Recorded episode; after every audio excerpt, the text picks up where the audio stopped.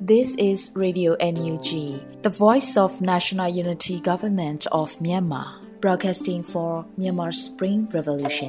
Radio NUG is transmitting from shortwave 16 meter 17.79 MHz at 8:30 a.m. and 25 meter 11.94 MHz at 8:30 p.m. Myanmar Standard Time. မင်္ဂလာပါရှင်။ မြို့သားညီညွတ်ရေးအစိုးရရဲ့အတန်လွင့်ဌာန Radio NUG ကိုမနက်ပိုင်း၈နာရီခွဲမှာလိုင်းတူ16မီတာ19.89 MHz ၊ညပိုင်း၈နာရီခွဲမှာလိုင်းတူ25မီတာ17.6 MHz တို့မှာဓာတ်ရိုက်ဖမ်းယူနိုင်စေနိုင်ပါရှင်။မင်္ဂလာအပေါင်းနဲ့ပြည့်စုံကြပါစေ။အခုချိန်ကစပြီး Radio NUG အစီအစဉ်လေးကိုဓာတ်ရိုက်အတန်လွှင့်ပေးနေပါပြီရှင်။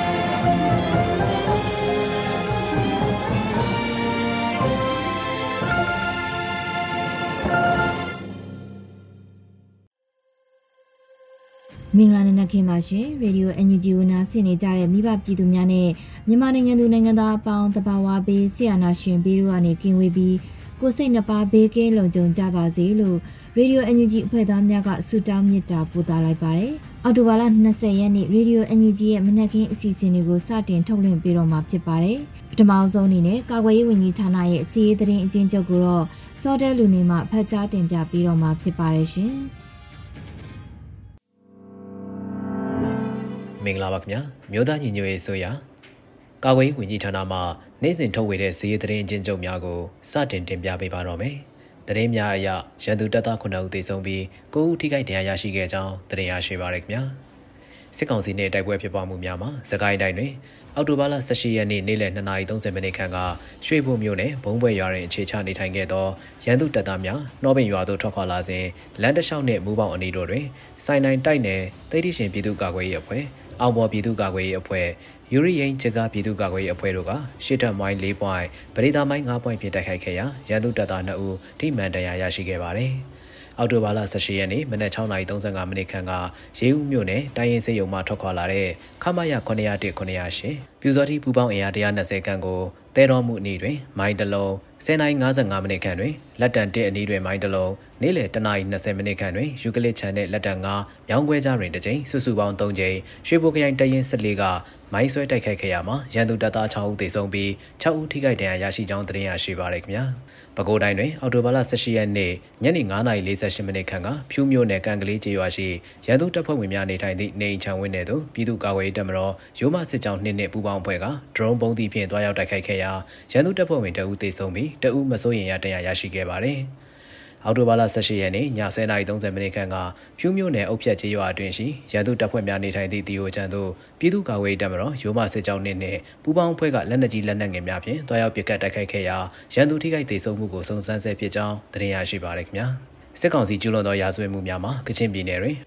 အော်တိုဘာလ18ရက်နေ့ညနေ9:00နာရီခန့်တွင်ဖားကန်မြို့ဆယ်စင်းကျေးရွာနှက်ရီကန်ရက်ကွက်သို့ခမရတစ်တစ်ကိုပသိမ်ကြီးတမခ33ကပြစ်ခတ်လိုက်သောလက်နက်ကြီးကြီး3လုံးကြားရောက်ပောက်ကွဲခဲ့သောကြောင့်73နှစ်ရွယ်ကလေးငယ်တဦးထိမှန်သေဆုံးခဲ့ပြီးအသက်50ကျော်ရွယ်မျိုးသမီးတူတန်းရရှိကဒေသခံများထွက်ပြေးတိမ်းရှောင်နေကြကြောင်းသိရရှိပါရခင်ဗျာ။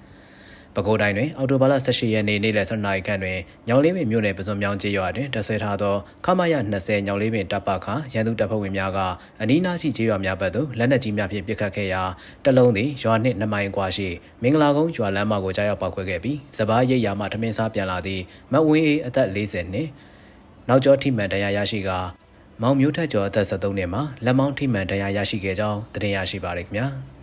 အခုတင်ပြခဲ့တဲ့သတင်းတွေကိုတော့မြေပြင်သတင်းတာဝန်ခံများနဲ့သတင်းဌာနများမှဖော်ပြလာသောအချက်အလက်များပေါ်တွင်အခြေခံပြုစုထားခြင်းဖြစ်ပါတယ်ကျွန်တော်စောတဲလူနေပါ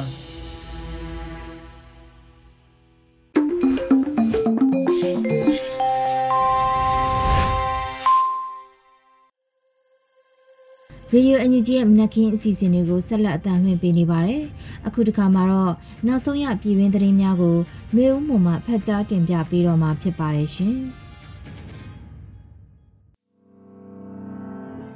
မင်္ဂလာမနက်ခင်းပါရှင်2023ခုနှစ်အောက်တိုဘာလ20ရက်နေ့ Radio Energy ပြည်တွင်သတင်းတွေကိုတင်ပြပေးသွားပါမယ်ကျွန်မကတော့ຫນွေဦးမွန်ပါ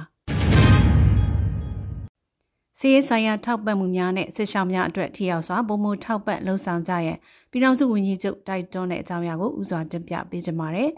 စီးရေးဆိုင်ရာထောက်ပံ့မှုများနဲ့စစ်ဆောင်များအတွက်ထိရောက်စွာပုံမှုထောက်ပံ့လှုံ့ဆော်ကြဖို့ပြည်ထောင်စုဝန်ကြီးချုပ်မန်ဝင်းခိုင်တန်းကတိုက်တွန်းပြောကြားလိုက်ပါတယ်။အောက်တိုဘာ19ရက် ဂျာကာလာဒေသန္တရပြည်သူ့အုပ်ချုပ်ရေးဖော်ဆောင်မှုဗဟိုကော်မတီအစည်းအဝေးအမှတ်စဉ်40နှစ်မြင့်ဆောင်2023ကျင်းပရာမှာဝန်ကြီးချုပ်ကဆိုခဲ့ပါတယ်။နေမြေစုမှုမှုရှိသောဒေသများတွင်အုပ်ချုပ်ရေးလုပ်ငန်းများဖြစ်သောပြည်သူ့ဝန်ဆောင်မှုလုပ်ငန်းများပုံမှုကောင်းမွန်အောင်ဆောင်ရွက်ကြရန်နဲ့ခွန်ကောက်ခံမှုများစနစ်တကျဆောင်ရွက်ပြီးလူသားစာနာလုပ်ငန်းများဒေသအတွက်ထိုးစစ်ကာလဖြစ်သောကြောင့်စီးရေးဆိုင်ရာထောက်ပံ့မှုများနဲ့စစ်ရှောင်းများအတွက်ထိရောက်စွာပုံမှုထောက်ပံ့လှုံ့ဆော်ကြရန်ဖြစ်ကြောင်း တရားဥပဒေစိုးမိုးရေးလုပ်ငန်းများလည်းကောင်းမွန်လဲပတ်နိုင်ရတဲ့ပြည်ထောင်နှင့်လူမှုကြီးကြပ်ဝန်ကြီးဌာနနဲ့တရားရေးဝန်ကြီးဌာနတို့ပူးပေါင်းပြီးပုံမှုအားထုတ်ဆောင်ရွက်ရန်လိုအကြောင်းဝန်ကြီးချုပ်ကဆိုပါတယ်။ဆက်လက်ပြီးတက်ရောက်လာကြတဲ့ဂျာကာလဒေသန္တရပြည်သူ့အုပ်ချုပ်ရေးဖော်ဆောင်မှုဗဟိုကော်မတီအဖွဲ့ဝင်များမှ41မြင်းဆောင်2023မှာချမှတ်ထားတဲ့ဆုံးဖြတ်ချက်ရှစ်လုပ်ငန်းစဉ်များနဲ့ပတ်သက်ပြီးပြည်စည်းမှုအခြေအနေများနဲ့ဆက်လက်ဆောင်ရွက်ဖို့ကြံရှိနေတဲ့လုပ်ငန်းစဉ်များကိုချပြရှင်းလင်းပြီးတက်ရောက်လာတဲ့တာဝန်ရှိသူများမှအကြံဝင့်ဆွေးနွေးခဲ့ကြပါတယ်။စီဝေတို့ ပြည်ထောင်စုဝန်ကြီးချုပ်မန်ဝင်းခိုင်တန်းမှဦးဆောင်ကပြည်ထောင်စုဝန်ကြီးများဒုတိယပြည်ထောင်စုဝန်ကြီးများအမြဲတမ်းအတော်ဝင်များတွဲဘက်အမြဲတမ်းအတော်ဝင်များဌာနဆိုင်ရာများမှတာဝန်ရှိသူများတက်ရောက်ခဲ့ကြပါတယ်ရှင်။ဆက်လက်ပြီးမွန်လိုက်ခက်စီဘေးရှောင်များအတွက်ချက်85သိန်းကျော်လှူဒန်းခဲ့တဲ့တဲ့ရင်ကိုတင်ပြပေးပါမယ်။ကချင်ပြည်နယ်လိုင်းစားမွန်လိုက်ခက်စီဘေးရှောင်များအတွက်ချက်85သိန်းကျော်လှူဒန်းခဲ့တယ်လို့အောက်တိုဘာ19ရက်မှာမြို့သားညီညွတ်ရေးအစိုးရမြို့သမီးလူငယ်နှင့်ကလေးငယ်ရေးဝန်ကြီးဌာနကအသိပေးဖော်ပြပါရယ်။ မြို့သားညီညွတ်ရေးအစိုးရမြို့သမီးလူငယ်နှင့်ကလေးငယ်ရေးဝန်ကြီးဌာန၏လှူဒန်းငွေကျပ်သိန်း30အပါအဝင်အလှူရှင်များဖြစ်ကြသော Visionary Supporting VSD,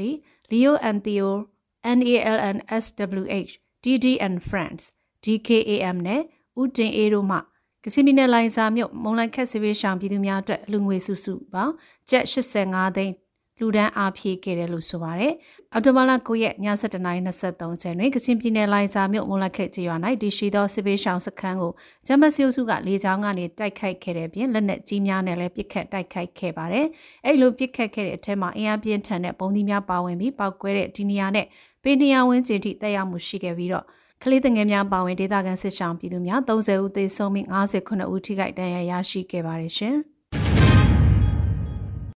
ပြည်သည့်နေရာတွင်ဖြစ်ပွားသည့်မဆိုရက်သားနေရာများအားပြစ်မှတ်ထားတိုက်ခတ်မှုကိုချက်ချင်းရရမည်ဖြစ်ကြောင်းတမ်မတ်ကြီးဦးကျော်မိုးထွန်းပြောကြားတဲ့အကြောင်းအရာကိုဆက်လက်တင်ပြပေးပါမယ်။ပြည်သည့်နေရာတွင်ဖြစ်ပွားသည့်မဆိုရက်သားနေရာများအားပြစ်မှတ်ထားတိုက်ခိုက်မှုကိုချက်ချင်းရရမည်ဖြစ်ကြောင်းတမ်မတ်ကြီးဦးကျော်မိုးထွန်းကပြောပါတယ်။အောက်တိုဘာ18ရက်98ကြိမ်မြောက်ကုလသမဂ္ဂထွေထွေညီလာခံ၏တတိယကော်မတီအစည်းအဝေး၌လူခွင့်ရေးကာကွယ်မြင့်တင်မှုကောင်းစဉ်ဖြင့်ထွေထွေဆွေးနွေးမှုပြုလုပ်ရမှာကုလသမဂ္ဂဆိုင်ရာမြန်မာအမြဲတမ်းကိုယ်စားလှယ်တမတ်ကြီးဦးကျော်မိုးထွန်းကပြောပါရယ် ကုလသမဂ္ဂဖွဲ့ဝင်နိုင်ငံများအထူးသဖြင့်လုံခြုံရေးကောင်စီဖွဲ့ဝင်နိုင်ငံများအားမြန်မာနိုင်ငံတွင်မတရားဆီယနာသိမ်းမှုအားအပိတိုင်ရက်တန့်စေရန်နှင့်ဖရယ်ဒီမိုကရေစီပြည်ထောင်စုအားထိရောက်သောအားလုံးပါဝင်သောတာဝန်ယူမှုတာဝန်ခံမှုရှိသောအဖွဲ့အစည်းများဖြင့်တည်ဆောက်နိုင်ရန်တနိုင်ငံချင်းအနေဖြင့်သော၎င်းနိုင်ငံများစုပေါင်းအင်အားဖြင့်သော၎င်းထိရောက်သောဆုံးဖြတ်ချက်များချမှတ်ပေးနိုင်ရန်တောင်းဆိုလိုပါကြောင်းမြည်သည့်နေရာတွင်ဖြစ်ပွားသည်မဆိုရတနေရာများအားပြစ်မှတ်ထားတိုက်ခတ်မှုကိုလက်ခံနိုင်မှုမရှိကြောင်းချက်ချင်းရရမည်ဖြစ်ကြောင်း ရှေ့လေပိုင်းဒေသတွင်ပြစ်မဲ့ပြည်သူများအသက်ဆုံးရှုံးမှုအတွက်ဝမ်းနည်းကြေကွဲရပါကြောင်းသတ်မှတ်ကြီးကပြောပါရယ်မတရားစစ်အာဏာသိမ်းခဲ့ချိန်မှစတင်၍စစ်တပ်သည်ရတပြည်သူ4100ကျော်ကိုတပ်ဖြတ်ခဲ့ပြီးဖြစ်ကြောင်း၎င်းတို့သည်ဒီမိုကရေစီရေးလှုပ်ရှားသူများကိုလည်းစစ်တပ်၏လျှို့ဝှက်၍မတမာသောတရားခွင်များဖြင့်ဥပဒေမဲ့ကွက်မြက်စီရင်လျက်ရှိကြောင်းသတ်မှတ်ကြီးကပြောပါတယ်ရှင်။ ပြည်သူ့ကာကွယ်ကြားပြုတက်ခွဲလေးကိုထပ်မံရောက်ရှိလာတဲ့ရဲဘော်သများအတွက်လက်နက်ခဲယံအကူအညီများလိုအပ်နေတဲ့တဲ့ရင်ကိုလည်းတင်ပြပေးပါမယ်။ပြည်သူ့ကာကွယ်ကြားပြုတက်ခွဲလေးကိုထပ်မံရောက်ရှိလာတဲ့ရဲဘော်သများအတွက်လက်နက်ခဲယံအကူအညီများလိုအပ်လျက်ရှိတယ်လို့အော်တိုဘာ19ရက်မှာကြားပြုတက်ခွဲလေးကအသိပေးပြောကြားထားပါတယ်။ကျွန်တော်တို့ကြားပြတက်ခွဲလေးကိုဝင်ရောက်တာဝန်ထမ်းဆောင်နေတဲ့ရဲဘော်တွေကိုကျွန်တော်တို့ကတက်တွင်းအခြေခံစစ်ပညာပြန်လည်သင်ကြားပေးပါတယ်။ ထပ်မံရောက်ရှိလာတဲ့ရဲဘော်တွေကိုလက်နက်ခဲယမ်းတက်ဆင်ပေးနိုင်ဖို့နဲ့စားနပ်ရိက္ခာဖြည့်ဆည်းပေးနိုင်ဖို့အတွက်ကျွန်တော်တို့ကြားပြတက်ခွဲလေးအနေနဲ့ရန်မုံငွေလိုအပ်နေပါတယ်လို့ဆိုပါတယ်။ကြားပြတက်ခွဲလေးဟာဆီယနာရှင်စနစ်ကိုခုခံတွန်းလှန်နေတဲ့ပြည်သူ့ကာကွယ်ရေးတပ်ဖွဲ့ဖြစ်ပြီးပြည်သူတွေအနေနဲ့ကြားပြတက်ခွဲလေးကိုကူညီထောက်ပံ့ပေးလိုပါက Page Messenger ကတဆင့်တိုက်ရိုက်ဆက်သွယ်ကူညီလှူဒါန်းပေးနိုင်ကြောင်းသိရပါတယ်ရှင်။ မန်လေးတိုင်း၌ဂျမစီအုပ်စုက6လကျော်ကာလအတွင်းမြို့သမီး94ဦးနဲ့မြို့သား203ဦးစုစုပေါင်း298ဦးဖမ်းဆီးခဲ့တဲ့တဲ့ရင်ကိုလည်းတင်ပြပေးပါမယ်။အောက်တိုဘာ19ရက်မှာနိုင်ငံချင်းသားများကူညီဆောင်ရှောက်ရေးအသင်းမှကောက်ယူထားတဲ့အချက်အလက်များကိုအသိပေးဆိုပါရယ်။2023ခုနှစ်ဇန်နဝါရီလမှအောက်တိုဘာလ19ရက်နေ့ထိမန်လေးတိုင်း၌ဂျမစီအုပ်စုကမြို့သမီး94ဦးနဲ့မြို့သား203ဦးစုစုပေါင်း298ဦးကိုဖမ်းဆီးခဲ့ပါတယ်။အောက်တိုဘာ23ရက်နေ့တွင်မန္တလေးတိုင်းချမ်းမြသာစီမြို့နယ်စံပြရက်ကွက်မှ ကိုစင်ကိုထွန်းကိုပြည်သူ့ကာကွယ်ရေးတပ်ဖွဲ့ဝင်ဖြစ်သည်ဟုဆွဆွဲ၍အကြမ်းဖက်စစ်အုပ်စု၏တပ်ကဖမ်းဆီးခဲ့ပါတယ်။ဒါအပြင်ဆိုပါကာလာတွင်မန္တလေးတိုင်း၌အကြမ်းဖက်စစ်အုပ်စုကြောင့်မြို့သမီး9ဦးနဲ့မြို့သား66ဦးစုစုပေါင်း85ဦးသေဆုံးခဲ့တယ်လို့သိရပါတယ်ရှင်။ကချင်ပြည်နယ်လိုင်စာမြို့နေရှိမုံလိုင်ခက်စီဗေးရှောင်းစခန်းအတွက်နွေဥပန်အသုံးပြုသူမိသားစုဝင်များမှလူဒန်းကြသောလူသားချင်းစာနာမှုဆိုင်ရာရမုံငွေများကိုပထမအသုတ်ဖြစ်လွှဲပြောင်းပို့ဆောင်ပေးခဲ့တဲ့တဲ့ရင်ကိုတင်ပြပေးပါမယ်။ ကချင်ပြည်နယ်လိုင်စာမြို့အနီးရှိမုံလိုင်ခက်စီဗေးရှောင်းစခန်းအတွက်နွေဥပန်အသုံးပြုသူမိသားစုဝင်များမှလူဒန်းကြသောလူသားချင်းစာနာမှုဆိုင်ရာရမုံငွေများကိုပထမအသုတ်ဖြစ်လွှဲပြောင်းပို့ဆောင်ပေးခဲ့တယ်လို့အော်တိုဘာ19ရက်မှာနွေဖွံ့ဖြိုးရေးဘဏ်ကတရားဝင်အသိပေးထုတ်ပြန်ပါတယ်။ကချင်ပြည်နယ်လိုင်ဇာမြို့နီးရှိမွန်လိုက်ခက်စီဗေးရှောင်းစခန်းအတွက်အော်တိုဘာလ10ရက်မှ15ရက်အတွင်းရွေးဝန်အသုံးပြုသူမိသားစုဝင်များမှစေတနာထက်သန်စွာလှူဒန်းကြသောလူသားချင်းစာနာမှုဆိုင်ရာရမုံငွေများကိုပြန်မြငွေကျပ်တန်ဖို့ 114သိန်း9562နဲ့ညီမျှသောမြန်မာကျပ်ငွေ38သိန်း3306ဒသမခွန်လေး US ဒေါ်လာ901ဒသမ21စင်ကာပူဒေါ်လာ1910ထိုင်းဘတ်ငွေ9146ဒသမ28နဲ့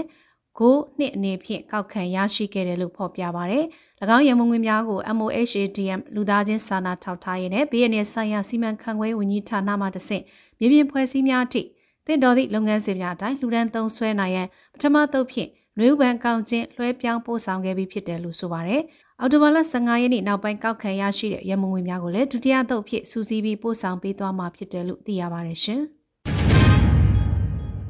ဆက်လက် ပြီးပြည်သူများရဲ့ထောက်ပံ့မှုမှရရှိတဲ့အလူငွေများဖြင့်ကြီးပေါင်းများထပ်မံဝယ်ယူနိုင်ခဲ့တယ်လို့တောင်ညိုစစ်ကြောင်းအသိပေးတဲ့အကြောင်းအရာကိုတင်ပြပေးပါမယ်။ပြည်သူများရဲ့ထောက်ပံ့မှုမှရရှိသောအလူငွေများဖြင့်ကြီးပေါင်းများထပ်မံဝယ်ယူနိုင်ခဲ့တယ်လို့တောင်ညိုစစ်ကြောင်းကအောက်တိုဘာ19ရက်မှာသိပေးဆိုပါတယ်။ပြည်သူများရဲ့ထောက်ပံ့မှုမှရရှိသောအလူငွေများဖြင့်ကြီးပေါင်းများထပ်မံဝယ်ယူနိုင်ခဲ့ပါတယ်။ထပ်မံ၍လက်တွေ့အကောင့်ထဲပေါ်မြင့်အရာများရှိနေသေးသည့်အတွက်မိဘပြည်သူများအနေဖြင့်ဆက်လက်ကူညီပံ့ပိုးပေးကြပါလို့မြစ်တာရက်ခံပါတယ်လို့ဆိုပါတယ်။ အောက်တိုဘာ18ရက်မှာထောက်ဖို့တာဝန်ထမ်းဆောင်ခြင်းအနှစ်ချုပ်ကို PRF ကထုတ်ပြန်ဖော်ပြချက်အရစက်တင်ဘာလအတွင်းမှာတာဝန်ထမ်းဆောင်ခဲ့ကြတဲ့ထောက်ဖို့တသားဦးရေမြန်မာတနိုင်ငံလုံးအနေဖြင့်9984ဦးရှိခဲ့ပြီးထောက်ဖို့ငွေပမာဏ American Dollar 3,5628ဒေါ်လာရရှိခဲ့ပါတယ်ရှင်။နက်ဒလန်တွင်လူသားတိုင်းပြုလုပ်၍စစ်ကြောင်းထုတ်လာသည့်စစ်ကောင်စီတပ်ဖွဲ့ကို၃ကြိမ်တိုင်ကြားပြတိုက်ခိုက်ရာစစ်ကောင်စီ6ဦးသေဆုံးတဲ့တဲ့ရင်ကိုဆက်လက်တင်ပြပေးပါမယ်။ လက်တလင်းမှာလူသားတိုင်းပြုလုပ်ပြီးစစ်ကြောင်းထုတ်လာတဲ့စစ်ကောင်စီတပ်ဖွဲ့ကိုသုံးကြိမ်တိုင်ကြားပြတိုက်ခိုက်ခဲ့ရမှာစစ်ကောင်စီတပ်က6ဦးသေဆုံးခဲ့တယ်လို့အောက်တိုဘာ19ရက်မှာစီးရဲသတင်းကိုပဲခူးတိုင်းစစ်ဒေသခွဲကအသိပေးဆိုပါရယ်ပဲခူးတိုင်းတာယာရီခရိုင်နက်တလင်းမြို့နယ်တွင်အော်တိုဘာလ15ရက်နေ့မှစတင်၍စစ်ကြောင်းထိုးလာသည့်ဂျမတ်စစ်ကောင်စီတပ်ဖွဲ့ကိုပြည်သူ့ကာကွယ်တပ်မတော် PDF တာယာရီခရိုင်တရင်3831တက်ခွဲနှင့် Fonish DF က အော်တိုဘာလ18ရက်နေ့တွင်၃ကြိမ်တိုင်ကြားပြတိုက်ခိုက်ခဲ့ရာစစ်ကောင်စီတပ်ဖွဲ့ဝင်6ဦးသေဆုံးခဲ့တယ်လို့ဆိုပါတယ်။အော်တိုဘာ18ရက်နေ့နနက်8:22မိနစ်ခန့်တွင်စစ်ကြောင်းထိုးလာသည့်စစ်ကောင်စီတပ်ဖွဲ့ကိုတပြေးပင်သုံးလုံးမျိုးစင်ဝိုင်းအနီးတွင် Furnish DF ကမိုင်းဆွဲတိုက်ခိုက်ခဲ့ရာစစ်ကောင်စီတပ်ဖွဲ့ဝင်2ဦးသေဆုံးခဲ့ပါတယ်။အဲဒီနောက်စစ်ကောင်စီတပ်ဖွဲ့ကစင်ဝိုင်းမိသားစုများနဲ့ဆင်ဆက်ရှိကောင်ကိုလူသားတိုင်းဖြစ်ဖမ်းဆီးခေါ်ဆောင်သွားခဲ့ပြီးမိုင်းခွေအစစ်စင်ကိုကြော့ဖြတ်လာခဲ့ရာ ညလယ်ဘိုရဲကုန်းရောက်၌နေ့လယ်12နာရီခန့်တွင် Phoenix DF ရဲဘော်များကစနိုက်ပါဖြင့်ပစ်ခတ်ခဲ့ရာစစ်ကောင်စီတပ်ဖွဲ့ဝင်တအူသေဆုံးခဲ့ပါတယ်။၎င်းစစ်ကြောင်းဟာညလယ်ဘိုရဲကုန်းမှာဆက်လက်ထွက်ခွာလာရာစန်းကြီးရွာရောက်မှ Phoenix DF ရဲဘော်များကထပ်မံပြီးမိုင်းဆွဲတိုက်ခိုက်ခဲ့ရာဆိုမာတိုက်ခိုက်မှုကြောင့်စစ်ကောင်စီတပ်သား3ဦးသေဆုံးပြီးအများပြားဒဏ်ရာရရှိခဲ့တယ်လို့သိရပါတယ်ရှင်။ ဒဇယ်မြို့နယ်တွင်တိုင်မိုင်းမိ၍ပြူနှစ်ဦးသေ၅ဦးဒဏ်ရာရခဲ့တဲ့တဲ့ရင်ကိုတင်ပြပေးပါအောင်မယ်။ဒဇယ်မြို့နယ်မှာတိုင်မိုင်းမိပြီးပြူနှစ်ဦးသေ၅ဦးဒဏ်ရာရခဲ့တယ်လို့အော်တိုဘာ19ရက်မှာစီးရဲတဲ့ရင်ကိုဒဇယ်ပကဖကအတည်ပြုပါရယ်။အော်တိုဘာ19ရက်ဒဇယ်နဲ့အင်ကုတ်ကားပြူရွာနဲ့စင်ငယ်ပြူရွာကြားတွင်တိုက်နယ်ပကဖလေးရှစ်ရက်တိုင်မိုင်းမိ၍စင်ငယ်ပြူရွာမှပြူနှစ်ဦးသေဆုံးပြီး၅ဦးဒဏ်ရာရရှိတယ်လို့ဆိုပါရယ်။အော်တိုဘာ19ရက်၎င်းလမ်းမိုင်းပေါ်တွင်ပြူများမိုင်းရှင်းလေးလှုပ်ဆောင်နေတယ်လို့သိရပါတယ်ရှင်။ ခုတင်ပြခဲ့တဲ့သတင်းတွေကို Radio Energy သတင်းတောက်မင်းတီဟန်ကပေးပို့ထားတာဖြစ်ပါတယ်ရှင်။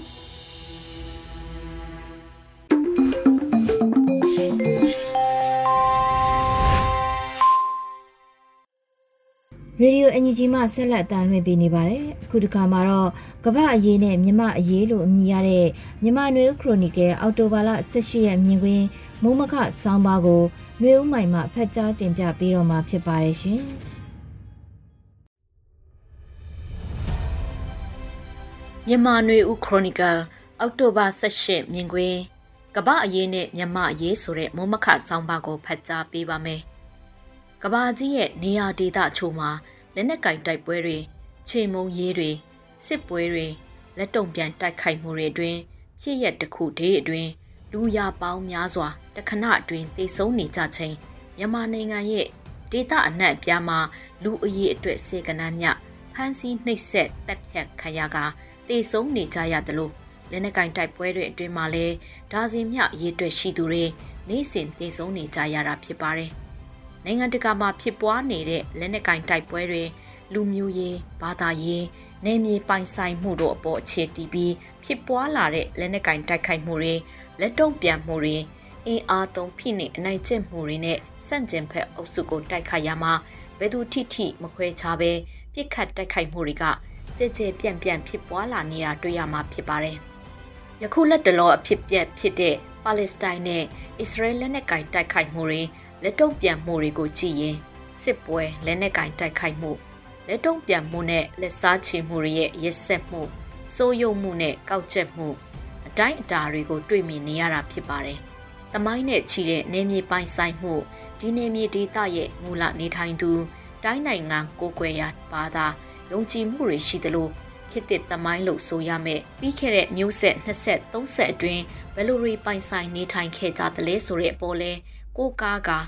မူလပိုင်ဆိုင်သူနဲ့ကျူးကျော်သူဆိုတဲ့အတိတ်ပဲဖွင့်ဆိုမှုတွေမိမိတို့နိုင်ငံနေမြေချဲ့ထွင်မှုအသည့်အခြေချမှုတွေနဲ့အခြားသောလူမျိုးကိုယ်ွယ်ရာမတူသူတွေကိုဖယ်ရှားနှင်ထုတ်မှုတွေဖြစ်ပွားလာနေတာဖြစ်ပါတယ်။ခုရက်ပိုင်းအတွင်းဖြစ်ပွားတဲ့ဆေးရုံတယုံတိုက်ခိုက်ခါရမှု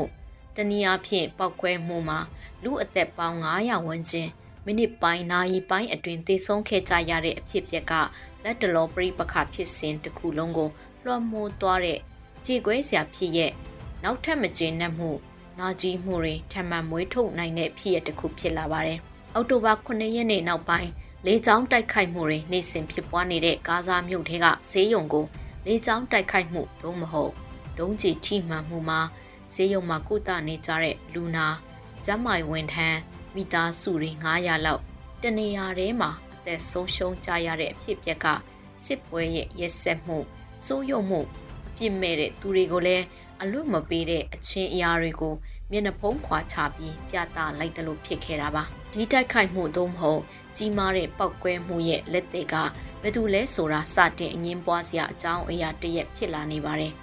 ဂါဇာကမ်းမြောင်ရဲ့မြောက်ပိုင်းကိုနေစဉ်ရက်ဆက်လေကြောင်းကတိုက်ခိုက်နေတဲ့အစ္စရေးစစ်တပ်က၎င်းတို့ရဲ့လက်ချက်မဟုတ်ဘဲအစ္စလာမစ်ဂျီဟတ်အဖွဲ့ရဲ့ဒုံးကျည်မှားယွင်းကြရောက်မှုလို့ဆွဆွဲပေမဲ့ပါလက်စတိုင်းတွေဘက်ကတော့အစ္စရေးရဲ့လေကြောင်းတိုက်ခိုက်မှုကြောင့်စေယုံတယုံလုံးထိမှန်ပြီးအခုလိုတည်ဆုံးကြရတယ်လို့ပြောဆိုလိုက်ပါတယ်စစ်ပွဲဖြစ်ပွားလာခဲ့ရင်ပထမဆုံးပျောက်ဆုံးသွားတာတနည်းအားဖြင့်ကြာဆုံးသွားတာကအမှန်တရားလို့ဆိုရိုးစကားရှိပါတယ် စစ်ပွဲထဲမှာပါဝင်နေတဲ့သူတွေအနေနဲ့စစ်ပွဲအောင်နိုင်ရေးအတွက်အမှန်တရားဆိုတာကိုဘေးချထားလိုက်ကြပြီးဘာမဆိုလိမ့်လဲရေးမှ မဟုတ်တာကိုမဟုတ်တဲ့အကြောင်းပြောရဲမှ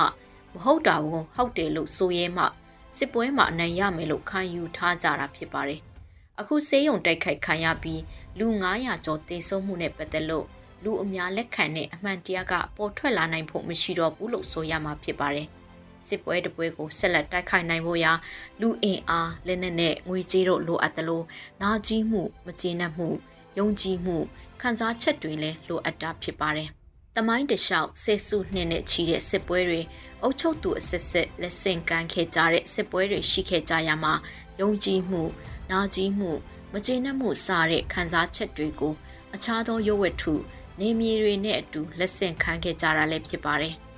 အောင်ပွဲရတဲ့ဖက်အသာစီးရတဲ့ဖက်ကတော့နေမြေတွေပိုင်ဆိုင်မှုတွေအရင်အမြစ်တွေလက်ဆင့်ကမ်းကြသလိုရှုံးတဲ့ဖက်ကလည်းနာကြီးမှုတွေလက်တုံ့ပြန်ဖို့ခံစားချက်တွေဒဏ်ရာတွေကိုလက်ဆင့်ကမ်းခဲ့ကြတဲ့သဘောလည်းဖြစ်ပါတယ်။ကမ္ဘာမှာဖြစ်ပျက်နေသလိုမြန်မာနိုင်ငံမှာလည်းဆယ်စုနှစ်များစွာကြာရှည်နေပြီဖြစ်တဲ့ပြည်တွင်းစစ်အမွေကိုဆက်ခံခဲ့ကြပြီးအခုမကြသေးခင်စစ်အာဏာသိမ်းမှုအပြီးမှာတော့ လက်ဆင့်ကမ်းယူဆောင်လာတဲ့ပြည်တွင်းစစ်မီကပိုပြီးအရှိန်အဟုန်နဲ့ပြန်လည်တောက်လောင်လာတာဖြစ်ပါတယ်။ခက်အစစ်စစ်ဖိနှိပ်ခဲ့တာအနိုင်ကျင့်ခဲ့တာအတ္တမစေခိုင်းခဲ့တာတယံဇာရခန်းစားခွင့်တွေခွဲဝေမှုမငြိမျှခဲ့တာတွေက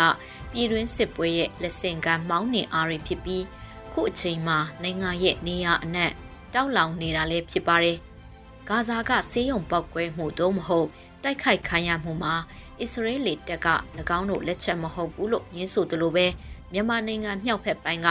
လိုင်ဇာမြို့အပြင်ကစစ်ပေးဒုက္ခသည်တွေနေထိုင်ရာမုံလိုက်ခက်ကျေးရွာမှာလည်းမကြသေးခင်ရက်ပိုင်းကပောက်ကွဲမှုတော့မဟုတ်လေကြောင်းတိုက်ခိုက်မှုဖြစ်ပွားခဲ့ပါတယ်။အရက်သား30နီးပါးမိနစ်ပိုင်းနာရီပိုင်းအတွင်းသေဆုံးကြရသလိုအခြားဒါဇင်နဲ့ချီတဲ့အရက်သားတွေလည်းထိခိုက်ဒဏ်ရာရခဲ့ကြပါတယ်။လက်နက်ကိုင်အဖွဲ့တွေကိုဒုက္ခသည်စခန်းတွေကို လက်နက်ကြီးနဲ့လေရင်နဲ့တိုက်ခိုက်လေရှိတဲ့စစ်ကောင်စီအနေနဲ့၎င်းတို့ရဲ့တိုက်ခိုက်မှုကိုအရိဒုက္ခသည်စခန်းမှာပောက်ကွဲစေနိုင်တဲ့ပစ္စည်းတွေတိုးလှောင်ထားရာကပောက်ကွဲမှုဖြစ်ပွားလို့အသက်ဆုံးရှုံးကြရတဲ့သဘောပြောဆိုခဲ့ပါတယ်။စစ်ပွဲတပွဲဖြစ်ပွားလာရင် အမှန်တရားကပျောက်ဆုံးသွားပြီးစစ်ပွဲမှာလူအသက်တွေတပ်ဖြတ်ဖို့တောင်းဝင်မလေးကြတော့ပဲအခုလိုဖြစ်ရတွေရဲ့အချက်လက်အမှန်တရားဟာလည်းပေါ်ထွက်လာဖို့မရှိတော့တဲ့သဘောလို့ဆိုရမှာဖြစ်ပါတယ်။ စစ်ပွဲတပွဲမှာစစ်ပွဲကိုဆက်လက်ရှေ့ကြအောင်မကျေနပ်မှုတွေနာကျင်မှုတွေနဲ့လက်နဲ့ငွေကြေးအင်အားတွေဖြစ်စီပေးရတာဖြစ်ပြီးရုပ်ဝတ်ထုနဲ့စိတ်ပိုင်းဆိုင်ရာနှစ်မျိုးစလုံးအင်အားရှိနေဖို့ဝါရဖြန့်ချီရေးကိုလည်းလက်လျူရှုလို့မရတဲ့သဘောလေးဖြစ်ပါတော့တယ်ရှင်။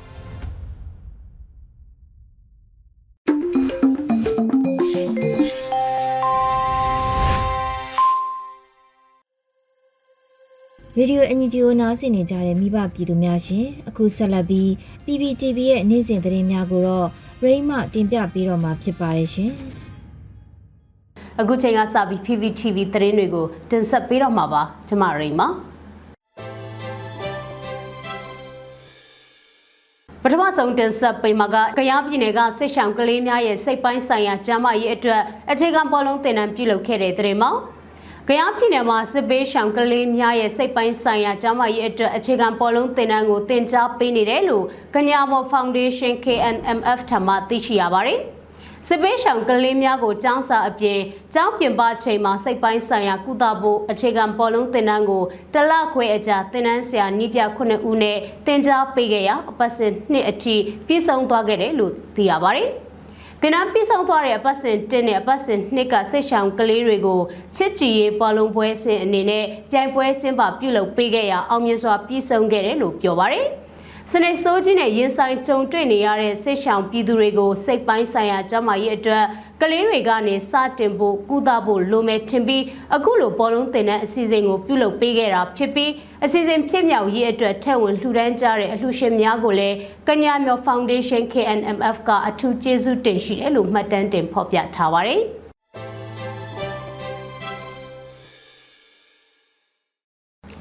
နောက်ထပ်တင်ဆက်ပေးမှာကတော့ KNU တပ်မဟာ3နယ်မြေအတွင်းကိုအကြမ်းဖက်စစ်တပ်ကလက်နက်ကြီးနဲ့6ကြိမ်တိုက်ခိုက်ခဲ့တဲ့တဲ့မှာ KNU ကရင်အမျိုးသားစီယုံကော်သူလေးအုပ်ချုပ်နယ်မြေခလဲလွီထူညောင်လေးပင်ခရိုင်တပ်မဟာ3အတွင်းကိုအကြမ်းဖက်စစ်တပ်ကလက်နက်ကြီးနဲ့6ကြိမ်တိုက်ခိုက်မှုတွေပြုလုပ်ခဲ့တယ်လို့ KNU ဗဟိုကမနေ့ကထုတ်ပြန်ပါတယ်။ ဒီတိုက်ခိုက်မှုဟာပြည်သူလူထုတွေကိုပြစ်မှတ်ထားပြီးပြည်သူလူထုတွေနေထိုင်ရာကျေးရွာတွေအတွင်းကိုရည်ရွယ်ချက်ရှိရှိလက်နက်ကြီးတွေနဲ့6ကြိမ်ပစ်ခတ်တိုက်ခိုက်ခဲ့တာကြောင့်ပြည်သူလူထုပိုင်နေအိမ်နှလုံးထိခိုက်ပျက်စီးခဲ့ရပြီးနွားလေးကောင်လည်းတိတ်ဆုံးခဲ့ရတယ်လို့ဖော်ပြထားပါတယ်။ဖြစ်စဉ်မှာအောက်တိုဘာ16ရက်ည9:00နာရီခန့်မှာ ဘိန်းစလုတ်အခြေဆိုင်အကြမ်းဖက်စစ်တပ်ရဲ့ခမရ264ကကြောက်တကားကနေရွာသားရွာကျေးရွာအတွင်းကို120မမလက်နက်ကြီး3လုံးနဲ့ပစ်ခတ်ခဲ့တာပါအလားတူတရက်ထဲမှာပဲအကြမ်းဖက်စစ်တပ်ရဲ့ခမရ20ကနေ့လယ်တနာရီ42မိနစ်မှာ KNU စောထိရွှေကျင်မြို့နယ်အုပ်ချုပ်နယ်မြေပြည်ရည်ကြီးကျေးရွာအတွင်းကိုလက်နက်ကြီး3လုံးပစ်ခတ်ခဲ့ရာနေအိမ်တစ်လုံးမှန်ပြီးပျက်စီးခဲ့ရတယ်လို့ KNU ကအသိပေးထားပါတယ်။ ဒါပြင်အောက်တိုဘာ18ရက်မနက်10:15မိနစ်ကလည်း KNU လဲတိုကြောက်ကြီးမြို့နယ်အုပ်ချုပ်နယ်မြေခယူကုန်းလဲကွင်းအတွင်းဘိန်းစလုတ်အခြေဆိုင်အကြမ်းဖက်စစ်တပ်ရဲ့ခမာယ264တပ်ရင်ကလက်နက်ကြီးတလုံးပစ်ခတ်ခဲ့တဲ့ဆိုတာနဲ့ရေတွင်းကုန်းကျေးရွာအတွင်းကိုမနက်7:00နာရီကျော်လောက်ကမှ120မမလက်နက်ကြီး3လုံးကိုပစ်ခတ်ခဲ့ရာစောခင်မောင်ဝင်းရဲ့နေအိမ်ထိမှပျက်စီးခဲ့ပြီး၎င်းမွေးမြူထားတဲ့နွား၄ကောင်လည်းတိတ်ဆုံးခဲ့ရတယ်လို့ဆိုပါတယ်။ ဆက်လက်ပြီးခမရ264တက်ရင်ကညနေ6:42မိနစ်မှာလဲတောင်ကင်းချေးရွာအတွင်းကို120မမလက်နက်ကြီး3လုံးပစ်ခတ်ခဲ့သလိုညနေ8:30မိနစ်မှာလဲနတ်တန်ကုန်းမှာရှိတဲ့အကြမ်းဖက်စစ်တပ်တွေကရွာသားရာချေးရွာအတွင်းကို87မမလက်နက်ကြီး3လုံးနဲ့ထပ်မံပစ်ခတ်ခဲ့တယ်လို့ KNU ကအသိပေးဖော်ပြထားပါတယ်။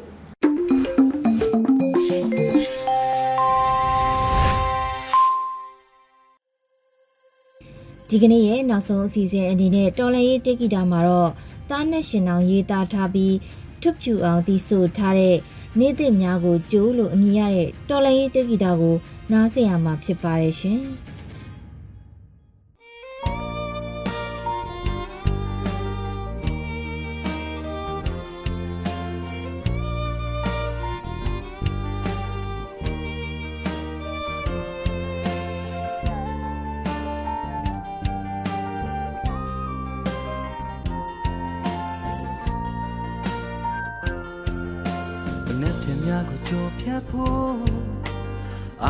တစ်တွေခက်ခဲမယ်လမ်းမျိုးများတဲ့နာဂတ်တွေနေ့တင်များစွာမုံဝါစေအတမီလျံများကြမှာတို့ပြခဲ့တဲ့ဘဝတွေလောင်မြိုက်စေမကိုစမ်းချင်နေတဲ့ဖို့ဘဝနေခြင်းကတိဆောက်ခဲ့စေရတာကဘွားဆိုတဲ့ အသက်ရှင်ဖို့ရဝေဝါစေလောဘမီရင်မြကြမှာစောက်ခဲ့ဘူးတဲ့အိမ်မက်တွေပြိုလဲစေအိမ်ပြန်ခွင့်မရှိတဲ့သူမို့အိမ်ပြန်ရောက်ဖို့ကြိုးစားရင်နဲ့လူမဆုံးပြေတော်တဲ့ထမင်းဝိုင်းလေးမှာငိုရင်ဝင်မဲ့ကလေးငယ်တွေအတွက် ရင်ဆိုင်အားတင်းရှိစေရင်နဲ့တာယာဆုံးသောနေသည်များကိုကြိုး